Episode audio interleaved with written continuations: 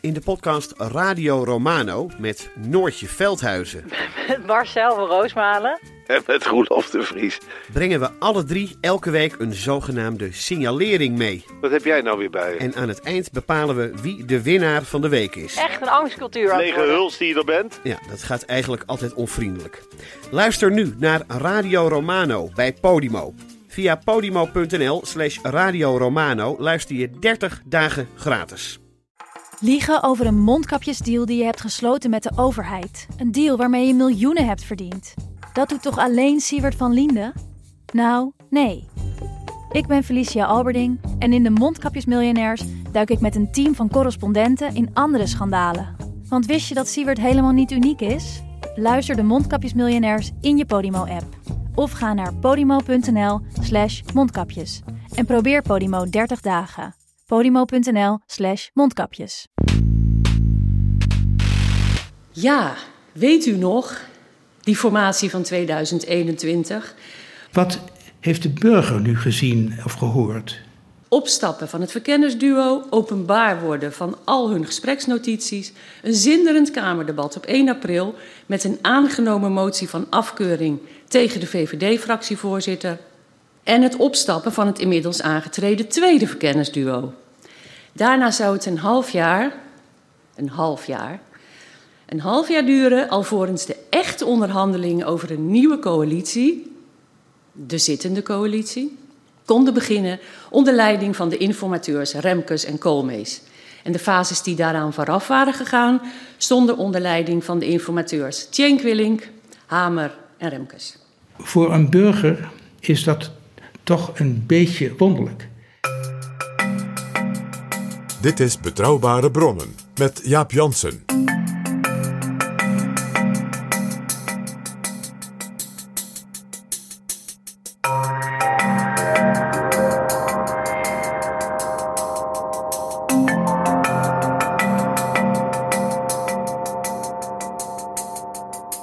Hallo, welkom in Betrouwbare Bronnen, aflevering 330. En welkom ook PG. Dag Jaap. PG, we hoorden net Carla van Balen en Herman Tjenk Willink. Carla van Balen is emeritus hoogleraar in Nijmegen. Zij houdt zich al heel lang bezig met kabinetsformaties. En zij heeft op verzoek van de Tweede Kamer een rapport geschreven, samen met Alexander van Kessel, Paul Boventeert en Mark van Twist, over de formatie van 2021, waarin natuurlijk Herman Tjenk Willink een van de hoofdrolspelers was als informateur. En Van Balen zegt al in het begin van het rapport, waarvoor ze alle betrokkenen hebben geïnterviewd en vaak langdurige gesprekken van zo'n anderhalf uur, een beetje de lengte van één aflevering van Betrouwbare Bronnen, over de formatie 2021 is eigenlijk niemand van de geïnterviewden positief. Het proces werd onprofessioneel genoemd, rommelig, moeizaam, chaotisch en vreselijk. En iedereen was het erover eens dat de formatie veel te lang had geduurd. Slechts één geïnterviewde durfde het aan om iets positiefs te zeggen. Citaat: Toch was het politiek ook weer een ongelooflijk interessante tijd. Wie was dat, PG?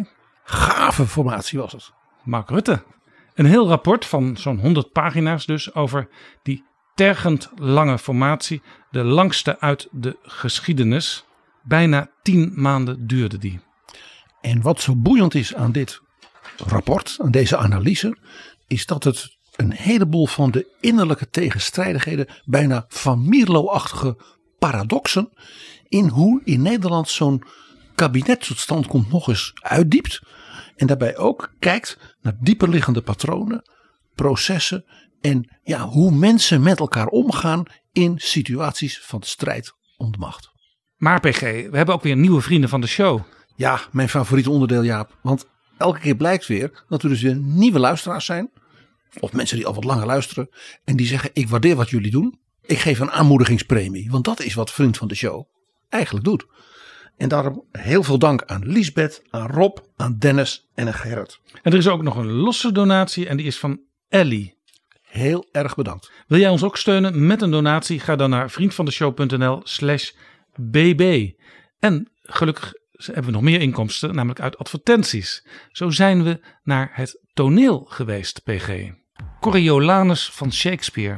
En dat was een flitsende voorstelling. Van het Nationale Theater. En de luisteraars van Betrouwbare Bronnen, die weten natuurlijk van allerlei afleveringen van ons.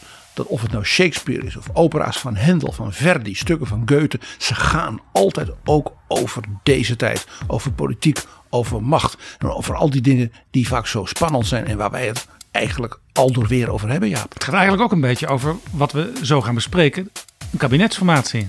Ja, het gaat over pogingen om de macht te grijpen. Uh, het gaat ook over de bestorming van het kapitool. Niet alleen het kapitool van Rome, maar het kapitool in Washington DC van op 6 januari. Het gaat ook over bekende dingen in de politiek. Hoe vaak wordt het niet geroepen? Was er nou maar eens een generaal of een topzakenman, ja? Een CEO die eens een keer het land ging regeren en dan werd het tenminste aangepakt. Over de misverstanden daarover en ook de tragiek daarbij. Ook daar gaat Coriolanus van Shakespeare over. Ja, want een generaal wordt daar de baas na veel politiek gekonkel. En de burgers die zijn eerst heel blij met die generaal, maar later weer niet. Want die generaal die is een echte generaal. Dus die vindt dat het volk moet gehoorzamen en bij voorkeur zijn kop moet houden. Ja. Het is dus een stuk ook over deze tijd, geschreven in de 16e eeuw, over het oude Rome. En de belangrijkste rol wordt gespeeld door Jela de Koning, een vrouw. En dat doet je misschien ook weer denken aan bepaalde ontwikkelingen aan het Binnenhof. Waar ook vrouwen een steeds belangrijke rol spelen. En dat wordt ook weer niet door iedereen toegejuicht. De reacties op bijvoorbeeld Sigrid Kaag die zijn soms zeer fel. En er is nog een andere vrouw in dat stuk. Die vond ik echt verschrikkelijk goed. Dat is die moeder van Coriolanus. Ja, dat is Betty Schuurman die dat speelt. En dat is een soort spindokter. Die zit voortdurend te kijken van... hé, je kunt het beter zo zeggen. Of probeer de mensen nu zo te pleasen. En als het natuurlijk op een bepaald moment niet goed gaat, dan laat de spindokter haar object, in dit geval dus haar kind, vallen als een baksteen. En wie ik ook zag in het stuk was Joris Smit. En die kende ik weer als de fractievoorzitter uit de televisieserie De Fractie. Dus ja, er zitten allerlei herkenningspunten in. Wij hebben het gezien in Den Haag, in de Schouwburg daar, die prachtige zaal. Maar deze voorstelling die is op tournee door heel het land tot en met 7 april. En jij kunt daar met 20% korting naartoe. Dan moet je even gaan naar de website hnt.nl van het Nationale Theater. hnt.nl slash betrouwbare bronnen. De voorstelling heet Coriolanus van Shakespeare en hij is zeer aan te bevelen. hnt.nl slash betrouwbare bronnen. En dit toneelstuk heeft schitterende recensies gehad. En Volkskrant, NRC bijvoorbeeld. Mijn advies is, ik zou gauw gaan reserveren. Want voor je het weet zijn de kaarten op en zijn de plaatsen weg. hnt.nl slash betrouwbare bronnen. En dat kun je ook terugvinden in de beschrijving van deze aflevering. Dit is Betrouwbare Bronnen. PG, we gaan het hebben over het rapport Evaluatie Kabinetsformatie van Carla van Balen. En Carla van Balen zei bij de presentatie. Dat de allerbelangrijkste factoren voor een succesvolle formatie hem niet in de regels en de procedure zitten. Maar in die ongrijpbare factoren die tussen mensen spelen, tussen de politici met een hoofdrol, vertrouwen, chemie en de wil tot samenwerking. Dit was Carla van Balen. En ja, dat is meteen ook alweer een paradox wat zij zegt. Want ja, procedures zijn belangrijk, zijn voor verbetering vatbaar. Daar heeft ze ook een aantal aanbevelingen over in dat rapport. Daar wordt natuurlijk ook meteen altijd door de journalistiek naar gekeken. Maar ja, ook zegt ze tegelijkertijd, het gaat toch vooral om verhoudingen tussen mensen. Dus eigenlijk gaat het om cultuur, politieke cultuur. Ja, en procedures zijn er in een cultuur, in de zeden van het werk van de politiek, om die verhoudingen tussen mensen wat te ordenen. En ze als het ware enige richting te geven. Dus je procedures om de procedures, dat werkt nooit. Procedures die als het ware behulpzaam moeten zijn om dingen te ordenen, dat kan helpen. Dus ik denk dat dat ook een manier is voor ons in dit gesprek, voor onze luisteraars, om er ook op die manier naar te kijken. En ja, het advies van Van Balen uh, geeft alle reden voor een heleboel partijen in en rond zo'n formatie om nog eens heel zelf kritisch te kijken naar wat doen wij nou? Zowel dus in die manier waarop mensen met elkaar omgaan, als in de zin waarop men procedures gebruikt. En wat mij heel erg opviel in de analyse van Van Balen, dat ze vertelt dat er heel veel dingen, nuttige dingen, nuttige procedures, niet gebruikt werden. Dat men vergat dat men dat misschien eens even op een geordende manier kon doen. Nou ja, wat mij het meest bijblijft van dat rapport na het te hebben gelezen is De Kamer heeft ooit besloten om wat dan heet de regie naar zich toe te trekken. Er is dus niet meer dat ritueel bij de koning aan het begin van de formatie en tussendoor. Dat allerlei adviseurs en ook fractievoorzitters naar de koning gaan en dat daar dan een informateur en uiteindelijk ook een formateur uitrolt. Nee, de Kamer wil het nu zelf doen. Doet ze ook vanaf 2012 al, hè? Maar in de praktijk blijkt, schrijft Van Balen met haar commissie, dat de Kamer zelf eigenlijk nauwelijks een idee heeft over wat dat betekent dat je zelf de regie in handen neemt.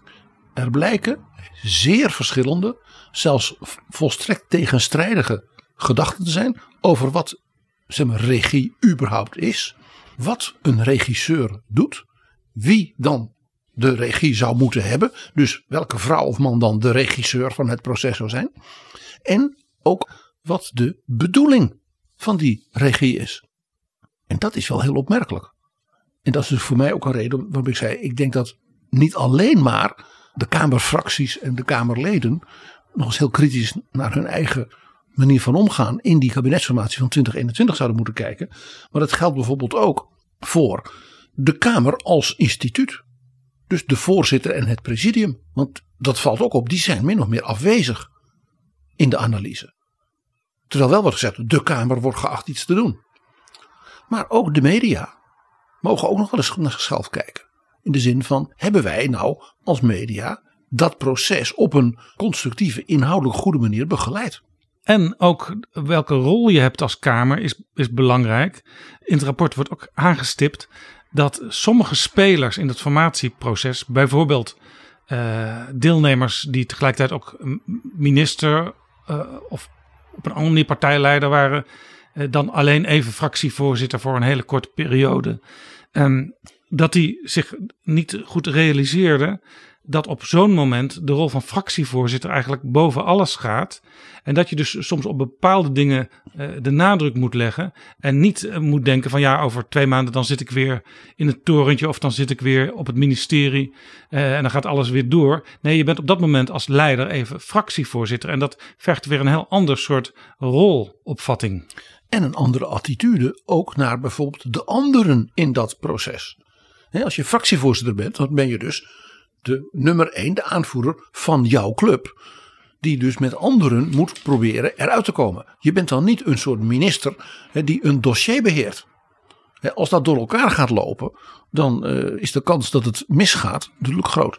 Maar dat geldt ook bijvoorbeeld wat betreft dus die rolopvatting van die fracties, fractieleiders, die als het ware vanaf het begin ook zelf, hè, min of meer vrijwillig, de houding hebben aangenomen van nou aan mijn lijf geen Polonaise, ik ga niet meedoen bij deze kabinetsformatie. Die hebben niettemin natuurlijk wel een democratische plicht in het kader van hoe komen we tot goed landsbestuur. Ja, PG, dit geeft al aan hoe moeilijk het is. Zo vertelde Sophie Hermans, de fractievoorzitter van de VVD, bij het gesprek wat ze met de schrijvers van het rapport had, dat ze eigenlijk al heel snel het idee had: er is eigenlijk niet één kamer, maar er zijn twee kamers. Die ene kamer die bestaat uit potentiële regeringspartijen die graag willen meeformeren, erin betrokken willen worden. En de andere kamer bestaat uit potentiële oppositiepartijen die voor zichzelf eigenlijk al het idee hebben van ja, wij gaan toch niet meedoen. En dat maakt ook dat je dan een andere houding hebt in hoe gaan wij nu de volgende fase in. Ja, want bijvoorbeeld dat blijkt uit het stuk dat sommige van zulke fracties helemaal niet de houding hadden van we moeten komen snel tot een goed, stevig nieuwe coalitie met een kabinet. Want die hadden er meer belang bij om het eindeloos te laten rekken, veel incidenten te hebben, om dan te kunnen roepen: het kartel, eh, het is allemaal niks. Eh, in Den Haag gooien ze er met de pet naar, terwijl ze natuurlijk zelf Den Haag zijn.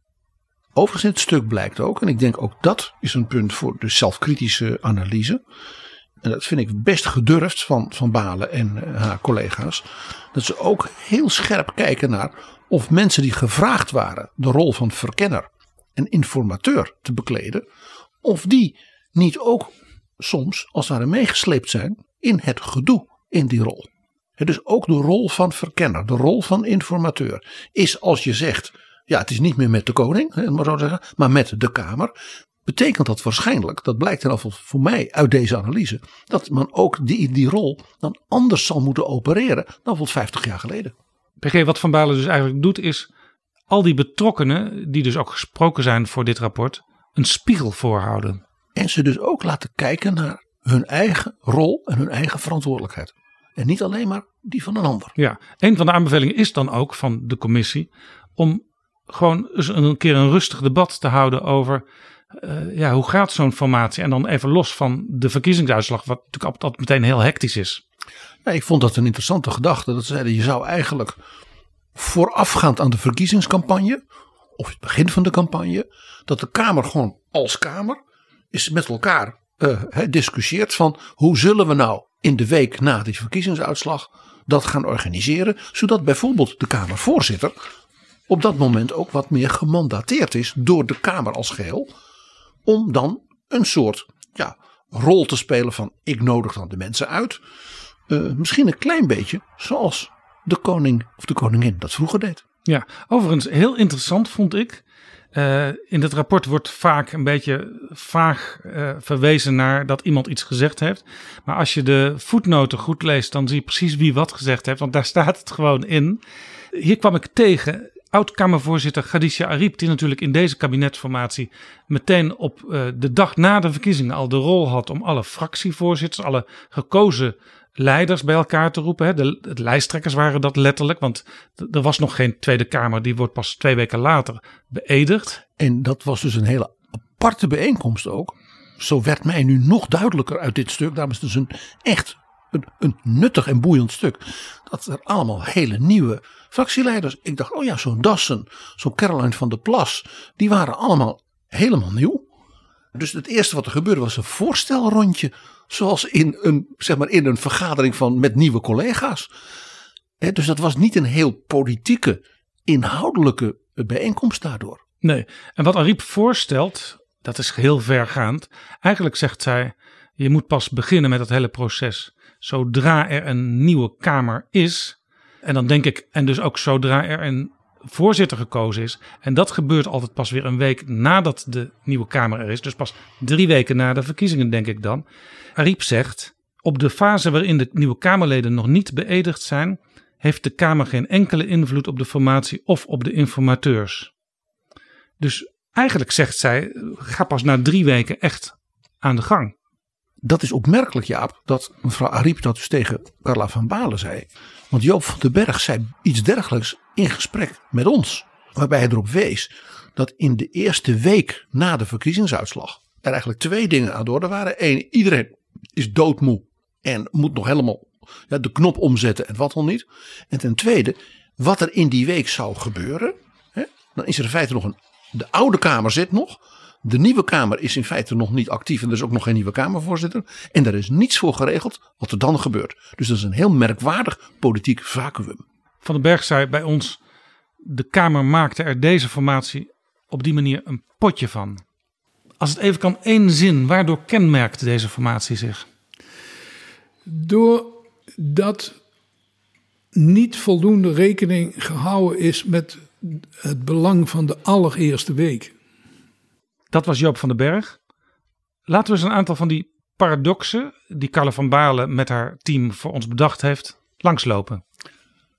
Nou, in de volgorde is er één die staat op één. Dat zal natuurlijk toeval zijn. En die is wel mooi, dat noemen ze de contextparadox. Namelijk dat in hun gesprekken zij constateerden dat allerlei van hun gesprekspartners, dus Haagse politici, zich beklagen over ja, de moeizame voortgang. Dat kwam door de ingewikkelde politieke context. En dat was blijkbaar altijd de schuld van iemand anders. Carla van Balen zegt, dat vond ik nogal puntig. Eigenlijk tegen dus haar lezers in de Tweede Kamer en de, de verdere politiek. Jongens en meisjes, die context maken jullie zelf. Het is niet zo, je kunt dus niet zeggen dat is iets wat als het wat van buiten komt, die politieke context. Dat er een probleem is met de kindertoeslagaffaire. En dat het kabinet daarom was afgetreden. En dat er dus iets moest gebeuren. Nou, de Groningse kwestie. Ja, eh, dat zijn, zoals zij dat omschrijft, producten van handelingen van politiek en bestuur. Politici klagen dus over de media, maar gebruiken vervolgens diezelfde media ook weer in zo'n kabinetsformatie. Om bijvoorbeeld eens een keer iets in te steken en dergelijke. Ik vond dit een heel goed punt. Dat ze zegt van de politiek gebruikt zelf de politiek als excuus voor de politiek. Ja, dit is dus echt een he- hele mooie beschrijving. Dat is ook het leuke van al die contexten. Het zijn beschrijvingen van werkelijkheden die toch eigenlijk altijd weer terugkeren in een kabinetsformatie. En zeker in die formatie die zo heel lang duurde deze keer. Ja, en wat ze dus doet, hè, in, dat, in de spiegel kijken, dat ze, tegen, dat ze tegen die politici zegt: jullie gebruiken in feite wat je zelf doet als excuus om dingen niet te doen. Wees op dat punt dus ook zelfkritisch. Wees je dat bewust dat dat een patroon is, wat misschien wel een beetje, ja, een beetje eigen is aan de Haagse politiek. En ontsnap daar dan, op het moment dat je dat beseft, dat je het ook tegen elkaar kan gaan zeggen: jongens, laten we nou gewoon eerlijk zijn. Dit hebben we zelf veroorzaakt, dus we zullen het ook zelf moeten oplossen. Een andere paradox is, we hadden het er eigenlijk net al over, de tempo-paradox. Je wil meteen van start gaan om maar snelheid in het proces te brengen. Dat speelde dus in deze formatie. Ik vind dat heel knap geanalyseerd. Heel erg dus meteen in het begin. En dat was omdat dus het kabinet Rutte 3 was afgetreden. Vanwege nou ja, de toeslagen. En dus ja, enkele maanden er een demissionair kabinet was geweest. Al voor de verkiezingen. En daardoor had er van alles stilgelegen. Er was ook vervolgens van alles controversieel verklaard. En het effect was van jongens, we hebben dus nu al een hele tijd eigenlijk ja, de zaak maar een beetje laten kabbelen. We hebben corona. Er is van alles dat moet gebeuren. Ook hè, met oog op de economische ontwikkelingen. Dus we moeten zorgen. Hè, verkiezingen maart voor de zomer. Hè, in mei, juni moet er een kabinet liggen. Dat in die zomer ja, van alles kan doen. Prinsjesdag, actie, actie, actie. Ja, en uh, het interessante hierbij was, uh, er werden twee verkenners aangesteld. Kajsa Olongren en Annemarie Jorritsma. En die wilden ook meteen alles ter hand pakken. Alles bespreken met iedereen. En er was nog iets. Toen die, vanwege dus de haast, zeiden we zijn klaar. Heeft men zonder een debat te voeren meteen al nog weer twee verkenners benoemd. Namelijk mevrouw Van Ark en Wouter Koolmees. Die zijn zelfs niet toegekomen aan een inhoudelijk gesprek. Want de zaak liep dus volledig in de mist. En dus die overhaaste, wat actionistische manier waarmee men dus die verkenning begon. In plaats van eens even achterover te hangen van wat is nu de politieke situatie, want die is complex genoeg. Leidde dus vervolgens door dat gedoe tot heel veel ja, ellende. En dat het vervolgens enorm in de vertraging kwam. Dus de neiging tot kijk ons eens snel zijn leidde tot oh oh wat gaat alles ontzettend stroperig en moeizaam. Ja, hier zei Jesse Klaver ook wat over tegen de rapportschrijvers. Hij wees er al op bij dat allereerste gesprek onder leiding van toen Khadija Ariep. Uh, ja, je zit daar, je maakt kennis, je ontmoet wat nieuwe mensen ook. En dan blijkt dat uh, de grootste partij en de grootste winnaar, dus VVD en D66, al met elkaar gesproken hadden en uh, twee namen naar voren schoven. Ja, dan kun je eigenlijk niet veel anders als een van de fracties in de Kamer om daar ja tegen te zeggen. Want ja, uh, zij nemen het voortouw en dat is eigenlijk ook wel logisch. En, maar dat staat nergens. Denk nog een keer aan Joop van den Berg. Die zei er is niets geregeld. Er is nergens ook maar nagedacht over dus die eerste week. Daar is dit een mooi voorbeeld van. Want wat is er dus gebeurd weten we nu. Mark Rutte en Sigrid Kaag hebben dus in die nacht met elkaar gebeld stijf van de adrenaline. Ja, ze was net van die, van die tafel afgesprongen, zal ik maar zeggen. Ik verwijt dat natuurlijk die mensen helemaal niet. Die hebben een campagne gedaan. Die hebben uh, alle twee uh, ja, een, een, een, een, voor henzelf mooie uitslag gehaald. En die gaan dan met elkaar bellen. En die zeggen dan, nou ja, ik wil die en jij wil die. En vervolgens bleek dus ook dat men tot de gedachte van twee verkenners kwam. In plaats van één iemand die even wat rustig achterover leunt en kijkt. Nee, twee, omdat blijkbaar D66 wilde al bij die verkenners een soort politieke kleurspoeling. Daar moest dus een progressief element in. En Annemarie Jorritsma was dus blijkbaar in hun ogen niet progressief genoeg. Dus dan begint dus als het ware de verkenning al met een partijpolitiek soort naar elkaar loeren en elkaar niet helemaal vertrouwen. En dan ook nog roepen het moet allemaal snel, snel, snel. Dat is dus die tempoparadox. We zeggen, kijk ons eens daadkrachtig zijn. En het effect is dat je de zaak volstrekt de mist in laat gaan.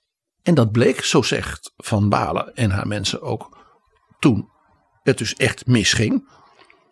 Dat men toen dat Kamerdebat, het fameuze Kamerdebat van 1 april had. Dat dus ook heel erg nog onder die druk zat van haast, haast, haast. En hoe kan dit nou toch fout gaan? En er moet worden ingegrepen. En ook dat debat leidde niet tot dat men als het ware gedurende het debat zei: Maar jongens, wat, wat zijn we nu aan het doen? Ja, en toen werden er trouwens ook dingen gedaan. die waarschijnlijk ook ermee te maken hebben. dat er een aantal mensen plotseling fractievoorzitter waren. die nog nooit eh, een rol in de Kamer hadden gehad. Er werd bijvoorbeeld werden moties in stemming gebracht eh, over Mark Rutte. in een rol waar eigenlijk de Kamer op dat moment helemaal niet over gaat. En de verkenners, eh, mevrouw Jorritsma en mevrouw Ollongren. die zaten in de merkwaardige situatie dat zij zich moesten verantwoorden voor iets ja, wat in feite uit hun handen gevallen was. En dan had je ook nog die tweede verkenners, hè, die tweede set. Ja, Tamara van Ark en Wouter Koolmeis. Die alleen maar konden zeggen, ja wij zijn gevraagd dat te doen. Maar door al dit gedoe hebben we nog niks kunnen doen en we stappen maar meteen op. Dus je kreeg als het ware een nog erger vacuüm dan dat vacuüm van de eerste week. Ja, was nog Joop van den Berg al op was nog een dingetje bij. Dat blijkt ook sprake te zijn van compartimentalisering van de fases in de formatie. En dat betekent dat uh, een nieuwe verkenner of een nieuwe informateur... die mag weer niet uh, alle aantekeningen van de voorgangers lezen. Sterker nog, uh, de twee die begonnen... Annemarie Joritsma en Kajsa Olongre... die waren dus gestopt met hun opdracht... En die mochten vanaf dat moment niet meer bij hun eigen aantekeningen. Nee, want die aantekeningen waren natuurlijk dus bij de ambtelijke ondersteuning. En die waren er dus voor Van Ark en Koolmees die überhaupt niet aan hun werk toe zijn gekomen. Wat je hier dus ziet is, doordat men niet geregisseerd had, onder de mom van regie, maar wel wilde uitstralen, kijk ons eens tempo maken. Men het hele proces volledig in de eerste dagen uit de hand heeft laten lopen. En om dat te redresseren, om dan als het ware de zaak weer op de rails te krijgen. Dat heeft heel lang geduurd. En eigenlijk na het debat van 1 april was het voor bijna alle betrokkenen, blijkt nu duidelijk, het idee dat we voor de zomer überhaupt ja, iets zeg maar op orde hebben gekregen, kunnen we eigenlijk wel nu al vergeten. Interessante uitspraak die ik ook terugkwam in het rapport was van Gerdy Verbeet, eh, nog wat langer geleden Kamervoorzitter. En zij zei ja, als Kamervoorzitter kun je eigenlijk niet veel meer doen dan faciliteren en de bal op de middenstip leggen, zodat het spel kan beginnen. Maar als niemand weet waar die middenstip ligt, want dat is in feite wat we nu zagen, ja, dan wordt het met die bal ook niks. En uiteindelijk heeft men dus toen teruggegrepen op Herman Tjenk Willink. En eigenlijk was de taak van Herman Tjenk Willink om ja, te pogen de zaak zo weer te begeleiden dat het weer op de rails kwam. Over Cenk Willink gesproken, PG. Weet je nog hoe hij terugkeek op de formatie bij ons? Dat was toen hij echt maandenlang erbij betrokken was geweest als informateur. De formatie liep nog en toen sprak hij met ons. En toen vroeg hij zich af, wat heeft de burger nou gezien? Weinig over inhoud. Wel over dat de verschillen gering zijn. Maar heeft in de afgelopen vijf maanden aan voorbij zien eh, gaan. Een minister-president die wankelt door een motie van afkeuring. Een CDA wat permanent in de publiciteit is omdat het buitengewoon instabiel is. En nu twee partijen waarvan de inmiddels eh, weer opgekrabbelde minister-president vindt dat onderhandelen met hen instabiele situatie zou opleveren. Voor een burger is dat toch een beetje wonderlijk. Dat betekent dus dat het indirect schadelijk is. Zeker de wijze waarop dat gebeurt. En ik vind dat politici eh, zich dat zouden moeten realiseren. Wat Cenk Willink hier zegt, politici moeten zich dat aantrekken. Dat is eigenlijk ook de oproep van Carla van Balen. Besef goed in welk wonderlijk paradoxaal land je terecht bent gekomen in zo'n kabinetsformatie. En probeer daar dan toch nog ja, eh, op een betere manier met elkaar uit te komen. Nou, mag ik nog eens zo'n paradox aanstippen uit dit stuk? De gedachte was, zo'n kabinetsformatie, dat gebeurde allemaal. Hè? Het geheim van Soesdijk, het geheim van Noordeinde. En dat moet allemaal vertrouwelijk. En de nieuwe bestuurscultuur, waarvan niemand weet wat het is, die zou toch moeten aanmoedigen dat we openhartig zijn openbaarheid. Mensen moeten kunnen volgen wat er gebeurt. Dat leidde ertoe dat men dus in die verkenning, waarbij het zo misging, toen riep dat alle stukken openbaar moesten worden. Maar de mensen die die gesprekken hadden gevoerd, met die verkenners, de fractieleiders, die waren natuurlijk van tevoren zich niet bewust dat alles ook openbaar zou worden. Sterker nog, de wijze waarop die verkenning was zeg maar, genotuleerd. Dat waren natuurlijk kleine ambtelijke notities voor het bewerken, bijvoorbeeld twee weken later, van een verslag. Als je die notities publiceert, ja, dan lees je dus ja, korte notities en niet een weloverwogen verslag hè, met belangrijke punten en aandachtspunten en dergelijke. Dus iedereen kon daarin lezen wat hij zelf dacht dat hij wilde lezen. Ja, toch was het gekke dat uh, zo'n beetje de hele Kamer, uh, ook de partijen die aan het formeren waren, die werden aangespoord door Geert Wilders om al die stukken maar openbaar te maken. Wilders is een uitermate slimme, extreem ervaren Kamerlid. Die weet dat als je dus losse notities ja, in een mapje publiceert, dat, je, dat, dat, dat dat een recipe voor disaster is, omdat iedereen er maar zelf van alles uit gaat halen. Joop van den Berg zei daarover bij ons: de Kamer liet zich op sleeptouw nemen door Wilders. Het interessante is dat Paul Frisse, die onlangs bij ons te gast was, in een uh, wat ouder boek van hem, Het Geheim van de Laatste Staat, schreef: Een democratische rechtsstaat heeft geheimen nodig om volwaardig te kunnen functioneren. En dat is boeiend, want wat zegt Carla van Balen in dit stuk? Die zegt: Kijk nou, het idee, ook een beetje achter die bestuurscultuur, van transparantie. Maak het maar openbaar.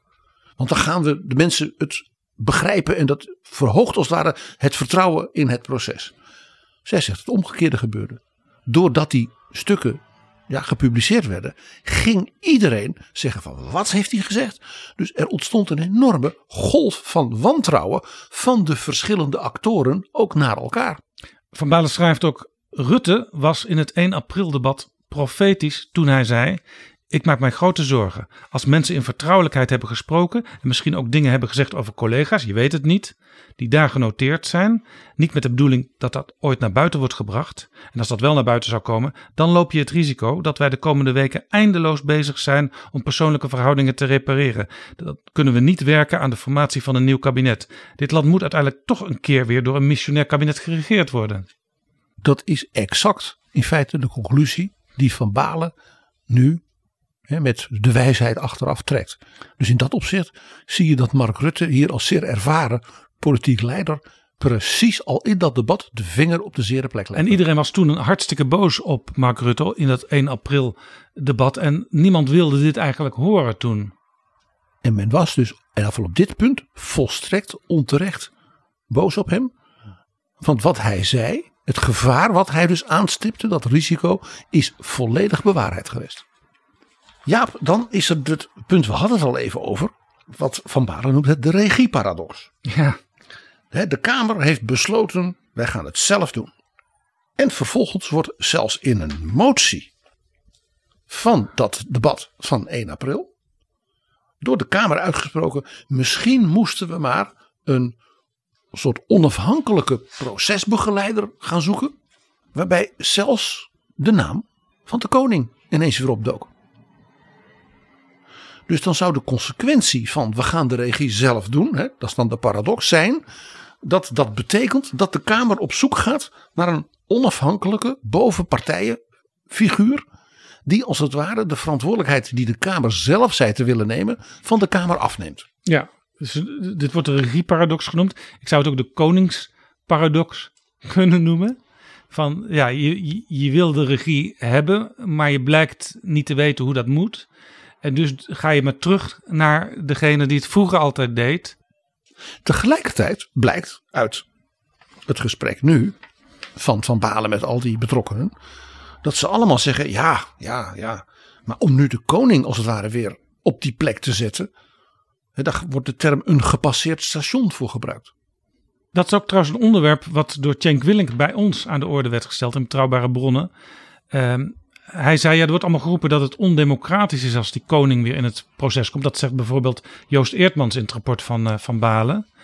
Maar eigenlijk is dat onzinnig. Vanuit de grondwet, Jaap, is het in elk geval onzin. Want onze grondwet, met dank aan Thorbecke, heeft nu juist gezegd: de democratie, zoals die toen is geformuleerd en die in feite tot de dag van vandaag geldig is. Wat aantoont wat een prestatie dit van Torbeck was, ook qua denken, dat hem dat lukte. De democratie heeft dus een regering die verantwoording aflegt aan het parlement. En in die regering is de koning. Dus de koning, als hij een rol speelt, is dat dus per definitie democratisch. En als je dus de koning zou vragen: zou u misschien een rol willen vervullen, kun je niet zeggen, maar dat is ondemocratisch. Als de democratische volksvertegenwoordiging, de koning, dat vraagt. En, Zoals de koning ook elk jaar de troonrede voorleest. Is dat ondemocratisch dan, meneer Eertmans? En bovendien, de koning doet de dingen stapje voor stapje. Dus hij begint eigenlijk met een gelijk speelveld, zei Herman Tjenk Willink. Hij nodigt alle verschillende fracties uit. Hij vraagt uh, hoe ze eh, naar het proces kijken, wat volgens hun voor de hand ligt. En ook uh, aan welke namen zij gedacht hebben om te gaan verkennen. En ook wat voor rol zij voor hun eigen fractie in dat proces zien. En de koning zei dan ook wel eens: Heeft u ook aan die naam gedacht of aan die naam? Dat is dus anders dan wat Jesse Klaver eigenlijk beschrijft. Ja, je wacht gewoon af wat de grootste partij en de grootste winnaar voorstellen. En dat accepteer je dan, want ja, de boel moet aan de gang. En dan durf ik de vraag te stellen: is dat dan zoveel meer democratisch dan dat je een procesbegeleider hebt die onderdeel is van de regering, conform de grondwet, die zegt: laat ik nou eens even in die eerste dagen, om ook die politieke campagne te laten, te laten bezinken, eens even met wat mensen praten. Ja. Is dat dan zo ondemocratisch vergeleken bij dat ze dus werden geconfronteerd de ochtend na de verkiezingen? Mark en Sigrid hebben al gebeld en hebben dit bedacht. Waarvan we dus nu achteraf ook nog zeggen dat was een erg slecht idee. Ja. Die twee verkenners. En eh, de koning, als je die dan, zoals Cenk Willink adviseert, weer in het proces betrekt, zeker in de eerste fase, dan los je eigenlijk ook dat probleem op van die snelheid aan het begin, die uiteindelijk tot traagheid leidt. Want als de koning iemand benoemt, dan brengt die persoon vervolgens verslag uit. En dan, dan kan de Kamer het initiatief naar zich toe trekken met een debat. En eventueel een sturende motie voor het vervolg. Ik heb nog een... En als dat de Kamer dan alsnog niet lukt, dan hebben ze altijd nog die koning die weer een volgende stap kan zetten. Ik heb nog een extra argument hierbij. Denk aan wat Jesse Klaver net zegt. Daar zat dus die nieuwe Kamer, althans de nieuwe fractievoorzitters. Daar zat dus Dassen, daar zat mevrouw van der Plas. Daar zaten allemaal mensen die, voor wie dit helemaal nieuw was. Die hadden dus in dat gesprek ja, een voorstelrondje rol. En dat was het. En vervolgens werd ze gedicteerd door Rutte en Kaag wat er zou gebeuren. Als je wat Cenk Willink aanstipt zou doen, dan betekent dat dat ook mevrouw van der Plas, ook meneer Dassen, net zo lang ja, bij de koning zit, een kopje thee krijgt en een koekje. En dat, uh, bij Juliana kwam het hondje dan ook nog langs. En heeft dan ook een gesprek.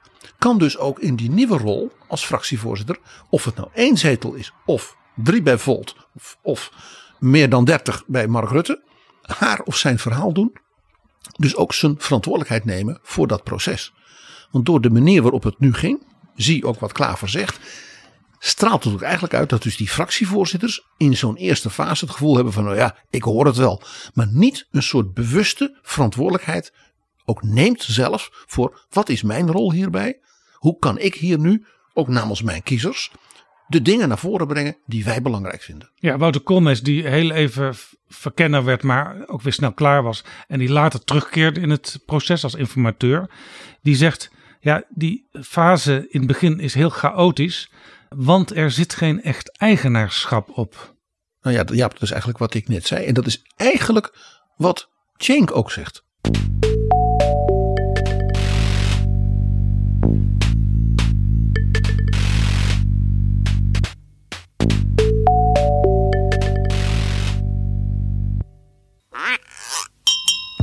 PG, heb je al gehoord dat op 10 maart een speciale bijzondere trekking van de staatsloterij is? Uh, Jaap, dat heb ik gehoord, ja. 10 jaar, een ton euro per jaar. Ja, en dat is belastingvrij. Dus je krijgt 10 jaar achter elkaar 100.000 euro bij de staatsloterij. Wat zou jij daarmee doen als je elk jaar 10 jaar achtereen een ton zou binnenkrijgen van de staatsloterij? Nou, de helft zou ik uh, geven aan mensen. Waarvan oh. ik weet dat ze het kunnen gebruiken. En dan hou je dus nog een halve ton over. En Jaap, ja, daar ga ik wel naar een paar hele mooie opera's natuurlijk. Hè. Boekenkasten vullen waarschijnlijk Boekenkasten, opera. Een paar bijzondere reizen maken. Ja, en dat past heel erg bij natuurlijk de staatsloterij in Nederland. Weet jij nog dat wij ooit in Betrouwbare Bronnen het hadden over het binnenhof van de 18e eeuw. En dat in de Ridderzaal het hoofdkantoor was van de staatsloterij. Waar je ook de loodjes ging halen en waar je er ook de prijzen uitgekeerd kon krijgen. En Dat is weet, waar. En weet jij nog dat daar een operacomponist, een van de grootste in de geschiedenis, een loodje ging halen. Wat hij cadeau kreeg van zijn vader. Mozart, de jonge Mozart. Die speelde voor de Oranjes. En toen, Daar omdat is- hij zo mooi had gespeeld, mocht hij toen met zijn vader naar de Ridderzaal, naar de staatsloterij. Daar liggen dus de wortels van de staatsloterij. En nu zijn ze aangeland in betrouwbare bronnen, kun je nagaan. Wil jij meedoen met die bijzondere trekking op 10 maart? Ga dan naar staatsloterij.nl slash 10-maart. Dan vind je alle informatie. staatsloterij.nl slash 10-maart. Speel bewust 18 plus. Dit is Betrouwbare Bronnen. PG, we hebben een hele serie gemaakt over de kabinetsformatie. En een van de dingen die zeker in de beginafleveringen vaak terugkwam was... ja, er zou nu toch eindelijk eens een beknopt regeerprogramma moeten komen. Een programma op hoofdlijnen. En het mooiste zou zijn als vervolgens de ministers en staatssecretarissen met elkaar dan gaan praten over de invulling van dat programma. Zodat ze dan naar de Kamer kunnen. Zodat de Kamer dan ook, als het ware, daar een eerste soort debat op hoofdpunten. Ja, en zodat dat je je dan, dan ook echt een- strategische vragen kunt doen. En dat de Kamer dan ook weer in een meer dualistische rol komt. Want je geeft ze een aantal hoofdlijnen mee. Maar de invulling, daar kun je dan flink over debatteren. Van Balen noemt dat de maatvoering paradox. Want weet jij nog dat mevrouw Hamer in die kabinetsformatie een hele creatieve manier vond om zo'n hoofdlijnenstuk maar eens uit te proberen. Zij vroeg de secondanten van VVD en D66. Dus niet de nummers 1, maar de secondanten. Sophie Hermans en Rob Jetten. Jullie zitten bij die gesprekken. Jullie zijn ja, nieuw, jong en fris. Als jullie nou eens met z'n tweeën een soort proeven, hè, zoals dat dan heet, maken. van hoe zo'n stuk op hoofdlijnen eruit zou kunnen zien. Jij weet misschien ook nog wel hoe dat stuk werd ontvangen. Daarvan zei eigenlijk kamerbreed op de nou ja, meest extreme flanken na iedereen. Dat is eigenlijk best een leuk stuk. Daar zou je een aantal hele goede gesprekken mee kunnen voeren. Dus men had toen kunnen ontsnappen aan deze maatvoeringsparadox. En Jaap, jij weet wat er vervolgens gebeurde met dat stuk. Het is eigenlijk weer een beetje eh, weggedwarreld. Het was Mark Rutte. Die zei, ja, dat was gewoon een eh, probeersel. Dat is gek, want die twee vice-fractievoorzitters die zijn bij elkaar gaan zitten. eh, met nog twee Kamerleden en eh, twee ambtelijke assistenten. Op basis van een in de Kamer besproken en aangenomen motie Rutte-Kaag. Ja, die dus mevrouw Hamer als informateur zo interpreteert dat zij dat ik moet niet als informateur op de stoel van die fracties gaan zitten. Heel zuivere rolopvatting. Maar ik ga dus een aantal, nou ja, zeg maar jonge frisse mensen uit die fracties eens vragen. Kom maar met wat. En dat heeft dus de opdrachtgever daarvan, de eerste ondertekenaar van die motie, vervolgens zo in de prullenbak gegooid. Ja, en dit was trouwens eh, ook mede door haar maar ingestoken dat het op deze manier zou gaan. Want zij had in haar eerste fase, die toen achter de rug was, zoals dat in het rapport wordt geciteerd, een zekere verlamming bij een aantal fractievoorzitters opgemerkt. Eh, Dat citaat een zekere verlamming komt, neem ik aan, van mevrouw Hamer zelf. Ja, Maar Van Balen wijst op nog iets. En dat is zegt van, kijk, de Kamer is op dit punt ook verrukkelijk inconsistent. Want er kwam dus een coalitieakkoord op hoofdlijnen. Hier en daar toch weer een hoop details. En wat zegt de Kamer? Ja, wacht eens even. Eh, wij willen een volledige, uitvoerige financiële bijlage met alle details van de invulling van de daar genoemde dingen tot achter de komma, alsof men een soort tweede Prinsjesdag aan het doen was. Nou ja, dat werd, dat werd gevraagd en de Kamer is de baas, hè, uiteindelijk. Dus dat is geleverd. Dus dat coalitieakkoord wat er was, werd vergezeld van een financiële bijlage die dermate gedetailleerd was. Dat dus de feitelijke gedachte dat je een akkoord op hoofdlijn had, wat je kon uitwerken en invullen met mooie debatten, onmiddellijk de nek omdraaide. Want ja, die financiële gespecialiseerde, gedetailleerde uitwerking, werd natuurlijk door die nieuwe ministers onmiddellijk in een aanpassing van de begroting van Prinsjesdag doorgevoerd. Ja. En daarmee is die in, meteen in beton gegoten. Ja, als je het, het rapport goed leest, het, het, wordt niet heel erg naar voren gehaald door de auteurs, maar dan zit hier ook wel, ook wel weer een soort van paradox in. Je gaat dus heel lang over de inhoud zitten praten, maar je weet nog niet welke partijen uiteindelijk uh, de coalitie gaan vormen en dus het coalitieakkoord gaan sluiten. Dat is eigenlijk ook een rare omkering van zaken. Eigenlijk hangen die dingen zo met elkaar samen, zeggen een aantal betrokkenen nu. Ik weet niet of ze dat destijds vonden. Maar je moet dus eigenlijk ook wel weten wie dat kabinet willen gaan vormen als je over de inhoud praat. Ja, maar dat is tegelijkertijd, uh, roept dat bij mij de herinnering op aan de formatie van Paars 1. Ja, waarmee men op een bepaald moment zei, laat nou Wim Kok, die speelde toen voor Sophie en Rob in één persoon. Nou ja, dat kwam op hetzelfde neer in feite. Dat is interessant. Ja. Wat Hamer dus deed, was natuurlijk ontleend dus aan die periode dat zij natuurlijk zelf ook politiek actief werd. Dus dat was een recept waarvan zij dacht, misschien kon dat nu al ook wel eens goed werken. En natuurlijk uh, terecht uh, bij ze die neiging, ook in de Kamer zelf dus weer, hè, om terwijl je zegt hoofdlijnen in deze maatvoering paradox vervolgens extreem gedetailleerde financiële details te willen hebben. Dat dus bij de uh, presentatie van het kabinet men dus begon te discussiëren over het feit dat er dus op, in de zorg zou worden bezuinigd. Want dat bleek bij een eindgetal in, was, was het 2035.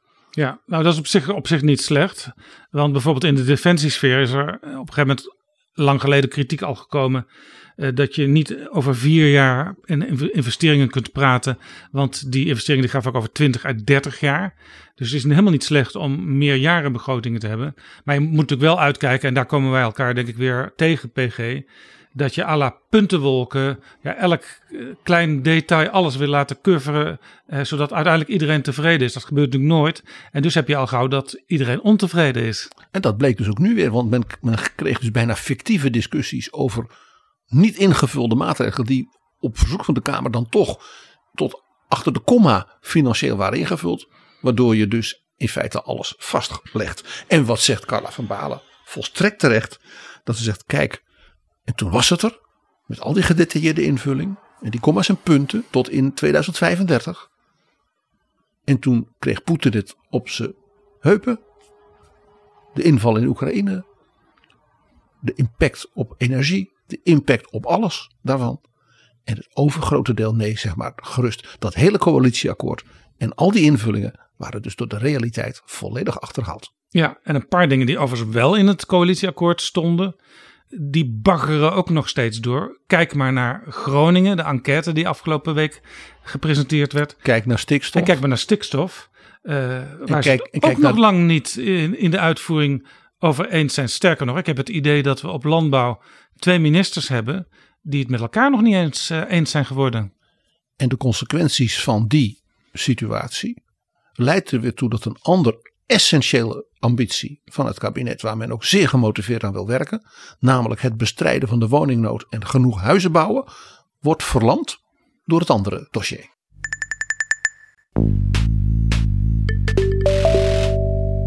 Dit is Betrouwbare Bronnen, een podcast met betrouwbare bronnen.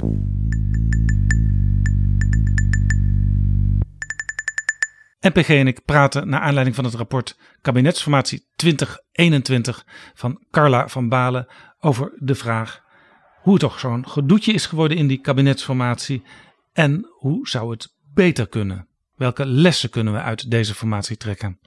Nou, één eerste les mag ik denk ik wel zeggen is glashelder ook uit de paradoxen die wij al bespraken. En is dat men over de fase meteen na de verkiezingen dus bij het aanwijzen van een verkenner, het bedenken wat de rol van zo'n verkenner is, echt veel beter moet nadenken. De overhaaste gedoe, het feit dat men blijkbaar, uh, zoals Van Balen schrijft, in nachtelijke belrondjes even gewoon maar twee namen had bedacht. En zelfs uh, zo bleek uit de interviews dat er een D66-wens was om in de gesprekken in de verkenningsfase al een progressieve inhoud te kunnen inbrengen. Dat was een opstapeling van fouten en misverstanden. En heeft tot een heleboel gedoe geleid. Zelfs nog Afgezien van natuurlijk het ongelukkige moment dat mevrouw Ollongren moest vaststellen dat ze ziek was. En dus heel snel weg moest. En toen gefotografeerd werd met alles wat er overheen kwam. Eén ding mag duidelijk zijn. Men moet die verkennersfase gebruiken als een fase om even weer tot rust te komen. Bijna af te koelen. En vooral procedureel even met elkaar te, kijken, letterlijk te verkennen. Wat is gelet de verkiezingsuitslag verstandig waar we nu aandacht aan besteden? Dit is heel mooi gezegd, PG. Maar een van de betrokkenen, Mark Rutte, die zei in het gesprek met deze commissie. Ja, je moet toch eigenlijk uh, tenminste een lang weekend eroverheen laten gaan voordat je überhaupt iets doet. Want ik was toen na die campagne, na die verkiezingen, dood en doodmoe. Hij betrekt dus op zichzelf, maar tegelijkertijd was hij ook de hoofdrolspeler in het hele proces. En dit bewijst al dat mooie voornemens vaak in het niets eindigen als de praktijk er is. En dus is het des te belangrijker dat de Kamer als Kamer misschien iets met elkaar afspreekt, wellicht in zo'n debat. Nog eens nadenkend voorafgaand aan nieuwe verkiezingen, ruim van tevoren. Oké, we gaan na die uitslag, dan gaan we die eerste week dit doen.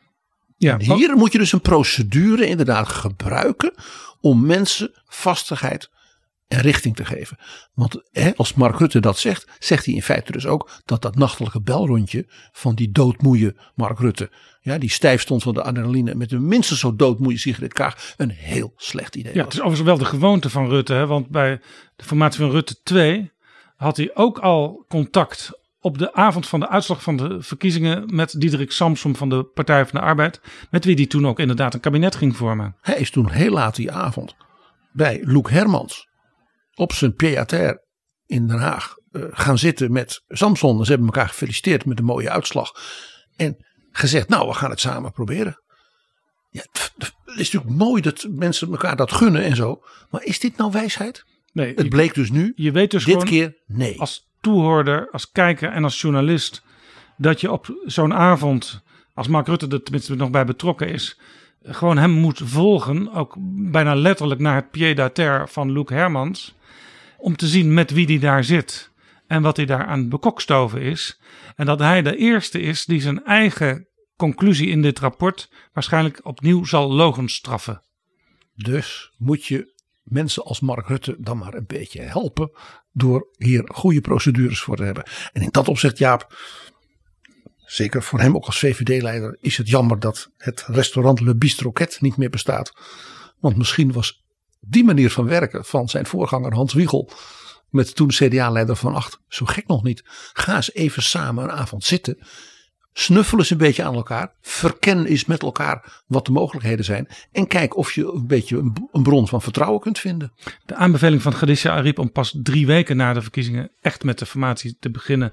Die wordt overigens door Van Balen en haar groep niet overgenomen. Maar ze zeggen wel, in die fase zou je dus zo'n verkenner zijn gang moeten laten gaan. En je moet het ook bij één verkenner houden. Niet meteen meerdere partijen daarmee willen bedienen, want in die fase van heel veel meer inhoud ben je helemaal nog niet. Alle reden voor de Kamer om hier nog eens met zichzelf en misschien zelfs met oud-informateurs die zulke verstandige dingen hebben gezegd tegen Van Balen, om de tafel te gaan zitten. De Kamer wordt er niet slechter van onze bewijzen ook nog eens een keer heel zelfkritisch hier met zichzelf over in gesprek gaat. Andere aanbeveling die Van Balen doet is deadlines in het proces aanbrengen. Dus op een gegeven moment zeggen, uh, hier heeft u precies drie weken voor, vier weken, vijf weken. En dan komt er een Kamerdebat. Op dat punt zeg ik, ja, ik snap het wel. Maar dat is in deze kabinetsformatie van 2021 ook gebeurd. Ik kan me herinneren dat mevrouw Hamer een opdracht kreeg met een datum. En dat ze dus toen ook een verslag aan de Kamer heeft gebracht. Ja. Met de mededeling: we zijn wel een end op weg, maar er moet nog wel het nodige gebeuren. Wat heeft de Kamer toen gezegd? Nou ja, dan krijg je nog meer tijd. En toen is men zelfs min of meer op vakantie gegaan. En toen was dus ja, die sfeer van we moeten wel zorgen dat er op tijd een daadkrachtig kabinet is, geheel verspeeld. Dus deadlines als deadlines. Daarvan zeg ik ja, dat zegt niks. interessant is dat Wouter Koolmees, die dus ook informateur was in de latere fase van de formatie, hierover zegt: Je staat daar dan niet met 100 gram meel in de mond, maar een kilo, een jutezak vol. En waar sta je dan? In de Tweede Kamer.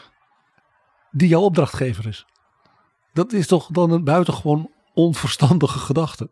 Je wilt toch eigenlijk dat zo'n informateur die die opdracht doet namens de Kamer. Dat hij daar staat en daar staat met een zekere soevereiniteit. Ja?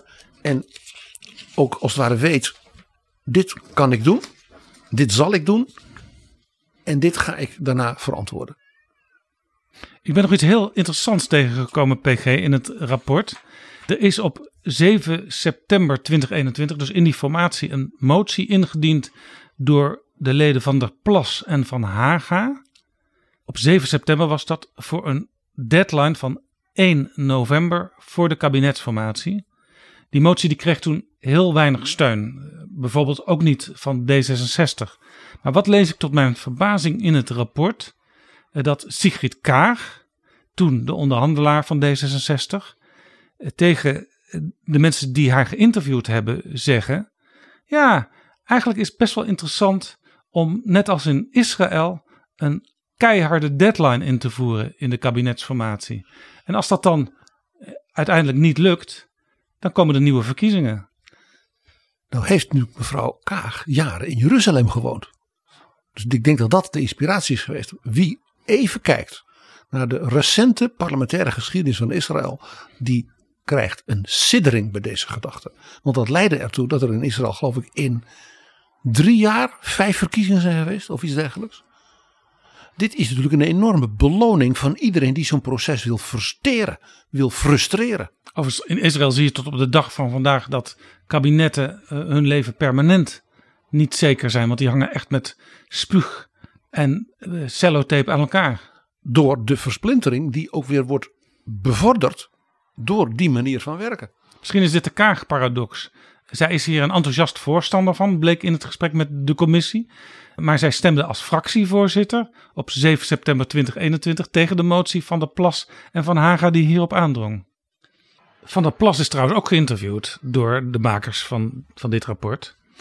En zij klaagde op een gegeven moment in het proces dat ze niet steeds werd uitgenodigd in elke fase door de informateur. En dat heeft ze ook tegen de onderzoekers gezegd. Dat ze vond dat ondemocratisch. En als het ware daarmee werd dus de volksvertegenwoordiging, en zij dan van haar fractie en ook anderen, genegeerd. Dat is natuurlijk een ernstig misverstand. De informateur is niet de koning van vroeger. Die dus de fractievoorzitters ontving, enzovoort, enzovoort. We hebben het erover gehad. Dus dit is een volstrekte rolverwarring aan de kant van de aanvoerder van BBB. Een informateur moet kijken hoe breng ik nou de mogelijke coalitiepartijen bij elkaar. Dan kan het voor een informateur natuurlijk zeer nuttig zijn om verschillende fractievoorzitters, desnoods ook die van BBB, uit te nodigen voor kan ik nog eens met u praten in het licht van de fase waarin we nu zijn. He, zoals Cenk altijd zegt, formeren is faseren. Maar het kan voor een informateur ook buitengewoon verstandig zijn om vooral met bijna niemand te praten. En misschien maar met één of twee fractieleiders of misschien nog één of twee deskundigen erbij uit zo'n fractie. Om bijvoorbeeld dat ene probleem, ik noem maar eens wat, hè, vroeger de kruisraketten of de ingrepen in de sociale zekerheid ja, ik herinner me te bespreken. En dan moet je niet iedereen erbij hebben. Langer geleden, waarin uh, een aantal partijen aan tafel zaten, meer dan twee. Maar waarin tussentijds even twee betrokkenen apart door de informateur eh, bij elkaar zijn gezet. Omdat daar blijkbaar wat spanningen lagen die uit de wereld moesten worden geholpen. Ja, ik heb in een eerdere editie van onze podcast verteld. Hoe Ruud Lubbers als informateur problemen, zoals hij dat noemde, ecarteerde. Door ze uit te besteden aan anderen dan de mensen aan de hoofdtafel, zoals dat heet. Dus Van Acht, Den Uil en Terlouw. En dat ik dus als jong broekie met Jos van Kemenade, Wim Deetman met z'n drietjes ja, in, een, in een kamertje zaten en een tekst over het zeer netelige onderwijsbeleidsvraagstuk Ja, dus op te lossen. Vanuit het idee als de deskundigen die namens de partij, dus die precies weten wat de ideologie en het programma is, die namens de partij onderhandelen met elkaar, als die eruit komen, dan kunnen wij dat ook accepteren en accorderen aan de hoofdtafel. En dan bouw je op die hoofdtafel een soort sociaal kapitaal op van overeenstemming. En dan is het dus vooral niet de bedoeling dat Jan en Alleman voortdurend wordt uitgenodigd. Dus de gedachte van mevrouw Van der Plas dat als een informateur zo functioneert dat dat als het ware een soort antidemocratisch iets is, dan heeft ze er niet helemaal begrepen hoe dat werkt in een formatie. Hiermee Jaap, eh, stipte jij zojuist nog een andere belangrijke les van deze gesprekken van Carla van Balen met al die politici aan. Namelijk de stevige politiek inhoudelijke, zelfs ideologische onderbouwing van wat fracties, politici in zo'n kabinetsformatie met elkaar afspreken. Dat zijn geen technocratische processen. Daar moet je met elkaar op de inhoud over nagedacht hebben en daar ook op de inhoud dat verantwoorden. Daar heb je die debatten ook voor. Dus wat zeg maar, Van Kemenade en Deetman deden als grote kenners van het onderwijsbeleid. Die knokten met elkaar, kwamen er samen uit. Dat leidde dus tot een stevige afspraak. En dat werd dus de bouwsteen voor zo'n akkoord. En dan kon je dus ook letterlijk en figuurlijk aan de slag als nieuw kabinet. En hier eh, hebben we natuurlijk de tamelijk harde teksten van de oud-informateurs. Ik lees voor wat Van Balen schrijft. De informateurs die tijdens de formatie van 2021 optraden, waren tijdens de evaluatie eensgezind in hun grief dat het Kamerdebat na afloop van hun werkzaamheden helemaal niet ging over de inhoud van hun eindverslag. En zij zeiden in feite heeft de Kamer daarmee zichzelf de das omgedaan. Want in plaats van dat de Kamer op inhoud zo'n verslag had besproken met de informateur en vervolgens dus de fracties met elkaar Oké, willen jullie dat? Zijn jullie tot dat bereid? En men, bij wijze van spreken, met inhoudelijke moties ook richting had kunnen geven aan het vervolgproces. Is niet gebeurd. Ik kan mij nog herinneren dat het debat over het eindverslag van mevrouw Hamer ging niet over het eindverslag, in het geheel niet. Er is nauwelijks een vraag aan haar gesteld. Het ging vooral over de HJ schoollezing van Sigrid Kaag. Ja. ja, en het leek in zekere zin meer op een lagerhuisdebat op woensdag. Waar je hier de premier tegenover de oppositieleider hebt staan. En ze elkaar vliegen staan af te vangen. Terwijl eh, zo'n verslag van de informateur. eh, ja, dat vergt echt eh, ja, minuscule en stap voor stap bespreking. Waarbij je dus ook zegt, wat zijn de belangrijkste elementen waar de informateur nu mee komt. Bijvoorbeeld hè, een soort eerste ho- hoofdlijnen van een akkoord. En de aanbeveling die eh, Van Balen hier aan de Kamer doet, lijkt heel technisch, maar is heel goed. Die zegt, de Kamer moet gewoon afspreken. Hè, dan moet je bij het reglement van orde neerleggen. Dat als dus de informateur met zo'n verslag komt, dat de informateur dan als eerste de gelegenheid krijgt om het verslag toe te lichten. Dus dat de informateur het debat als het ware op inhoud naar zich toe mag trekken. En kan zeggen ik wil de Kamer op deze drie dingen wijzen in het verslag wat ik hier heb. Want ik wil van de Kamer weten is er een meerderheid in de Kamer die zegt ja dat willen we mits dit of tenzij dat. Dan krijg je dus dat politieke en wat ik ook noem zelfs bijna ideologische debat wat zo nodig is. Ja, en dan doe je het dus ook anders dan de Kamer vaak gewend is als in eh, debat is met eh, het kabinet. Maar je kunt ook zeggen, eh, laat die informateur in zo'n debat het voortouw nemen. Want hij of zij staat daar ook in opdracht van de Kamer. En vertelt wat hij in opdracht van de Kamer gedaan heeft. Dat was ook zo opvallend. Eh, Zeker in dat debat toen met mevrouw Hamer, maar dat gold ook met het eerdere debat met Cenk Willink. Dat het wel leek of de Kamer vergeten was dat die persoon weken en weken zich te pletter had gewerkt op verzoek van de Kamer zelf. PG, wij hebben in onze formatieafleveringen het vaak gehad over hoe ze in het Europees Parlement gesprekken doen met kandidaat-commissarissen.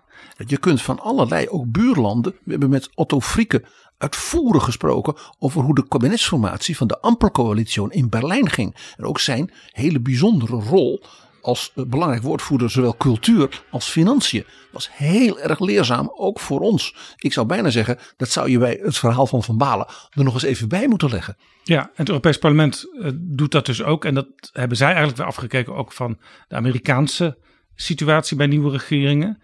Die aanbeveling die neemt de commissie van Balen niet over. Want ze zeggen een dergelijke beoordeling van aanstaande kabinetsleden past niet goed in het huidige grondwettelijke stelsel van benoeming van ministers en staatssecretarissen en evenmin in het tot nu toe in Nederland tot ontwikkeling gekomen parlementaire stelsel. Daarbij zijn van hoorzittingen met kandidaatbewindslieden in het huidige politieke klimaat niet veel constructieve effecten te verwachten. Uh, Jaap, uh, mijn schoen brak toen ik dat las. Wie zegt dat als de Kamer zelf dat zou willen. Er zijn dus een aantal bewindslieden voorgedragen vanuit verschillende coalitiepartners. Wij willen kennis maken met die mensen. Wij willen aan het Europees Parlement een idee hebben van hoe staat die vrouw of die man voor die nieuwe taak. Vanuit haar of zijn achtergrond, zijn specialisme, zijn politieke opvattingen. Ja. En dan zou dat iets strijd zijn als de Kamer dat wil dan kan de Kamer dat gewoon zelf organiseren. En als de Kamer dan heeft gepraat met Robert Dijkgraaf en zegt: Nederland kan misschien zelfs een beetje trots zijn dat zo'n topwetenschapper minister wil worden op dit terrein. Dan zal de koning zeggen: Des te blijer ben ik om hem dan straks te beëdigen. Ja, dat heeft toch een, niets te maken met de grondwet? Het is een drogredenering, want in het parlementaire stelsel zijn heel vaak dingen vernieuwd. Alsof uh, verkenners dan niet. Omdat het parlement dat wilde. En ja, de grondwet, uh, die zou het in de weg staan. Dat is ook raar. Want uh, de koning wel of niet in de formatie, daar, daar zou je ook de grondwet bij kunnen halen. Maar dat is voor de Kamer nooit een belemmering geweest om uiteindelijk zelf aan de slag te gaan. De benoeming van die verkenners staat ook nergens in de grondwet.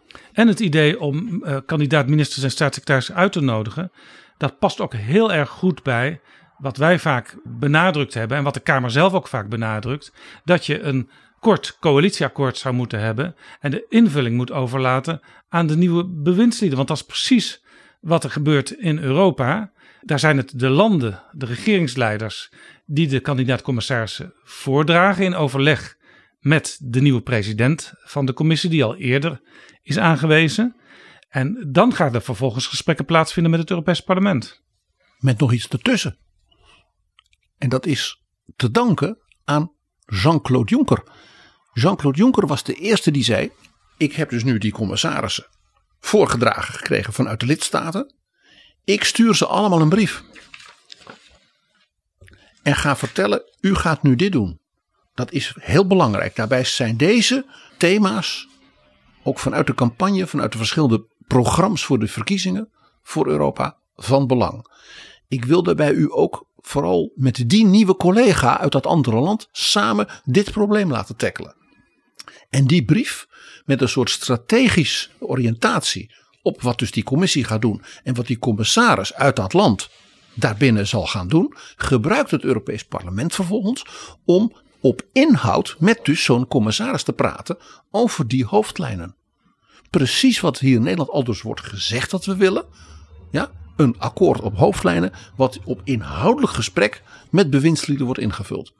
En dat hebben ze in het Europees Parlement en ik zeg daarbij ook met dank aan Jean-Claude Juncker die deze vernieuwing erin bracht, op een buitengewoon goede en inhoudelijk sterke manier ingevuld. In zekere zin zegt Carla van Balen met haar advies doe dat nou maar niet. Dat de Tweede Kamer als het gaat om de formatie van een regering en kabinet in Nederland minder macht moet hebben dan het Europees Parlement heeft in Brussel. Dankjewel, PG.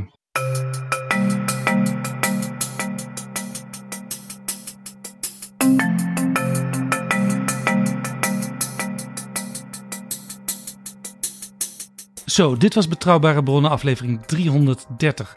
Deze aflevering is mede mogelijk gemaakt door de vrienden van de show. Mensen die met een donatie ons zeer helpen nog veel meer mooie en interessante afleveringen te maken. Wil jij ook vriend van de show worden? Ga dan naar vriendvandeshow.nl/slash bb. PG, weet jij wat het woord is wat het meeste gebruikt wordt door ons in betrouwbare bronnen? Dat heeft Lars Duursma van de podcast De Communicado's, die hij samen met Victor Vlam maakt, uitgezocht? Nou, ik gok op twee woorden. Het woord opera of het woord macht. Het woord wat het meest voorkomt in betrouwbare bronnen is het woord dus. Hij heeft ook uitgezocht wat uh, podcasts die door hele jonge podcastmakers gemaakt worden, wat daar het woord is wat het meest voorkomt, dat is het woord ik. Het ene is dus een woord dat een gevolgtrekking probeert te formuleren. En het andere is een woord dat een identiteit poogt te formuleren. En dat wij het woordje dus het meest gebruiken, dat is eigenlijk bijvangst bij een onderzoekje wat hij heeft gedaan naar de snelheid van spreken in podcasts in Nederland. Want uh, hij kreeg zelf uh, kritiek. Kunt u in godsnaam eens wat rustiger praten? Werkelijk waar. Maar toen heeft hij gekeken bij de tien populairste podcasts welke het snelste was. Nou, dat was de Zelfspodcast van Sander Schimmelpennik en Jaap Rezema. Die uh, spreken in 219 woorden per minuut. Die halen bijna geen adem. En wij zijn traagst PG. Wij spreken in 155 woorden per minuut. Betrouwbare bronnen met Jaap Jansen en Pieter Gerrit Kroeger. Daar wordt het nou langzaamst Gerrit, uh, gesproken. PG Kroeger toch? Of? Ja, PG. Ja, Pieter Gerrit, PG. Gemiddelde leeftijd daar 60 jaar. En ja. daar zie je inderdaad dat als, ja, als de leeftijd 20 jaar hoger ligt, wordt ja. er ook echt veel langzamer gesproken. Betrouwbare bronnen, even de cijfers erbij gepakt. Uh -huh. 155 woorden per minuut. Ja, oké, okay, dat is echt aanzienlijk uh, heel langzamer. langzamer ja. ja. Ik heb toevallig, Jaap, een deze dagen met een uh, grote fan van ons gesproken. Die eerlijk toegaf dat hij bij zijn holrondjes uh, betrouwbare bronnen wel eens op anderhalf snelheid zet. Omdat hij dan anders zijn holrondje te lang maakt en dan is hij wel erg moe. Ik heb overigens, en dat was trouwens het woord overigens, waarvan ik dacht, dat komt ook best wel vaak voor, omdat ik het nog eens gebruik. Als het ware. Ik heb ooit les gehad van uh, Bernard Hammelburg, toen ik een column had bij BNR. En na een stuk of tien columns zei Bernard, uh, laten we eens even gaan luisteren naar hoe jij spreekt. En laten we eens kijken hoe het misschien beter kan. En het kwam erop neer dat ik langzamer moest gaan praten. Bernard is er natuurlijk heel erg goed in. En doordat Bernard wat langzamer praat dan bijvoorbeeld jongere columnisten, zoals ik toen, eh, heeft Bernard ook heel veel gezag daarin. Dus het feit dat wij nu volgens Duursma aan de langzame kant zaten, is eigenlijk een prachtige les van Bernard Hammelburg. Waarvoor dank. Tot volgende keer. Betrouwbare bronnen wordt gemaakt door Jaap Jansen in samenwerking met dag en nacht.nl. Millions of people have lost weight with personalized plans from Noom, like Evan, who can't stand salads and still lost 50 pounds. Salads, generally, for most people, are the easy button, right? For me, that wasn't an option. I never really was a salad guy. That's just not who I am. But Noom worked for me. Get your personalized plan today at Noom.com. Real Noom user compensated to provide their story. In four weeks, the typical Noom user can expect to lose one to two pounds per week. Individual results may vary.